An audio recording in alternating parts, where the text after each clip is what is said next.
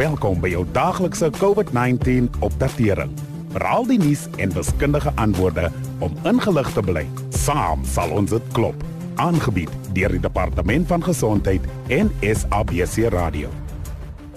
Gisteraand, 174 dae nadat Suid-Afrika se nasionale inperking begin het, het president Cyril Ramaphosa aangekondig dat die land na inperkingsvlak 1 oorgaan. Die aankondiging volg op 2 maande waar tydens die COVID-19 infeksiekoers elke week gedaal het. 'n Voorstekundige op die terrein van aansteeklike siektes, professor Salim Abdul Karim, het daarop gewys dat die grootste aanduiders van waar die land nou staan, almal in die regte rigting beweeg.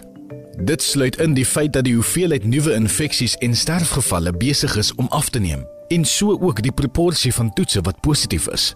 Dieselfde geld vir die aantal hospitaaltoelatings en die gebruik van suurstof. 'n Hele paar van die bestaande inperkingsregulasies sal nou nie meer van krag wees nie, sodat daar nog besigheidssektore kan heropen met die doel om pogings te versterk om werkgeleenthede te red en die herstel van die land se ekonomie te bevorder. Dit is egter nie net die ekonomie wat tydens vlak 1 weer op die been gebring sal moet word nie. Die inperking het ook baie groot tekortkominge in ons onderwysstelsel aan die lig gebring. Met die sluiting van ons skole het die grendeltyd 'n impak op ongeveer 13 miljoen leerders gehad. Toe hulle nie skool toe kon gaan nie, was aanlyn leer die enigste uitweg wat vir skole beskikbaar was. Dit het egter die massiewe ongelykheid tussen ryk en arm skole en leerders op digitale terrein uitgewys. Die sluiting van ons land se skole het ook 'n geweldige impak op kinders gehad wat honger te betref, want dit het ook voorlopig die einde van skole se voedingsprogramme beteken. Die grootste daarvan is die nasionale skoolvoedingsprogram.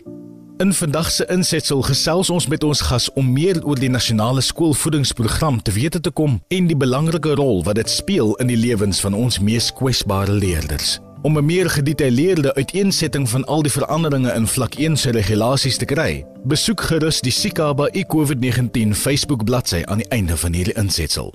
Ons gesels vanaand met Maria van der Merwe, onafhanklike openbare gesondheid en voedingskonsultant. Maria, ons het al van die nasionale skoolvoedingsprogram gehoor, maar kan jy asseblief vir ons meer daaroor vertel en hoekom dit so belangrik is? Die nasionale skoolvoedingsprogram of NSVP sorg dat meer as 9 miljoen kinders in 20000 skole landwyd minstens een voedsame maaltyd per dag by hulle skool kry. Hierdie maaltye bevat gewoonlik 'n styselkos soos stamppelies of rys, proteïene soos lensies, sardientjies of sojamaalvleis en ook vars vrugte en groente. Dis een van die doeltreffendste en mees betekenisvolle intervensies in die land, want dit is onmoontlik vir kinders om te leer as hulle honger is. Ongelukkig woon die meeste kinders in huishoudings wat onder die broodlyn val. So hierdie maaltyd maak 'n ongelooflike groot verskil. So wat het gedurende die inperking gebeur en hoe is die voedingsprogramme daardeur beïnvloed? Tydens die vlak 5 inperking is die skole gesluit en voedingsprogramme het ook in die slag gebly. Ons het dadelik geweet watter impak dit op die hongervlakke van ons kwesbaarste leerders sou hê. Hoewel skole gewoonlik nie tydens skoolvakansies vir die leerders kos gee nie, beteken die lang afwesigheid van die skool dat huishoudings wat op skoolvoedingsprogramme staatmaak, nog meer ekonomiese druk ervaar en nie genoeg kos het om te eet nie. Wanneer is hierdie program toe hervat?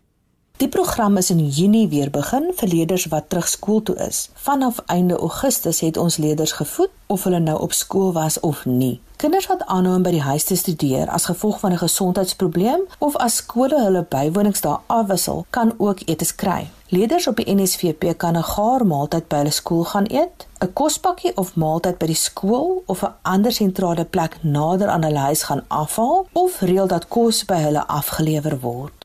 Wat van leerders wat ver van hulle skole af woon?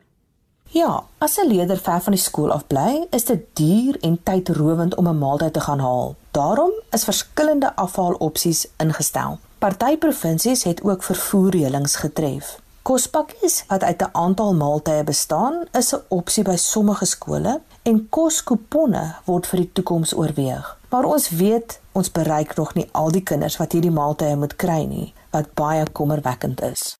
En hoe word leerders beskerm teen die virus tydens hierdie maaltye?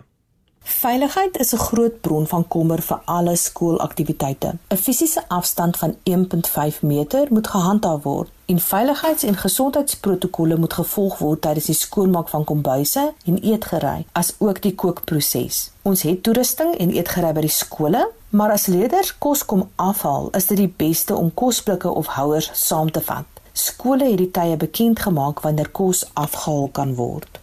Is daar enige manier waarop ons ons skole kan ondersteun om te verseker dat alle leerders beter eet?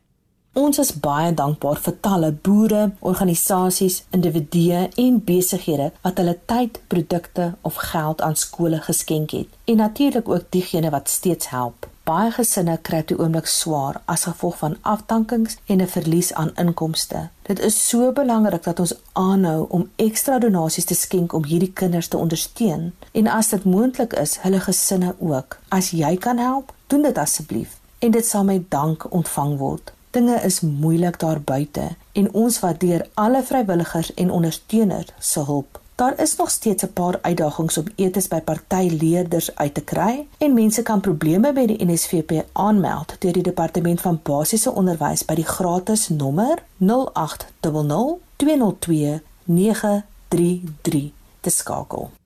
Dit was Maria van der Merwe, onafhanklike openbare gesondheid en voedingskonsultant.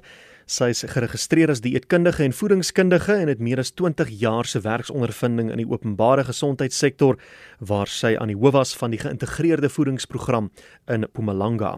Môre bespreek ons plaaslike besighede en hoe ons elkeen daartoe kan bydra om 'n beter toekoms te bou. Sluit dan weer môre om kwart voor 6 by ons aan. Dankie dat u geluister het na die daaglikse COVID-19 inligtingstuk aangebied deur die Departement van Gesondheid en SABC Radio in samewerking met die Solidariteitsfonds. Wees veilig, bly gesond. Saam sal ons dit klop. Suid-Afrika.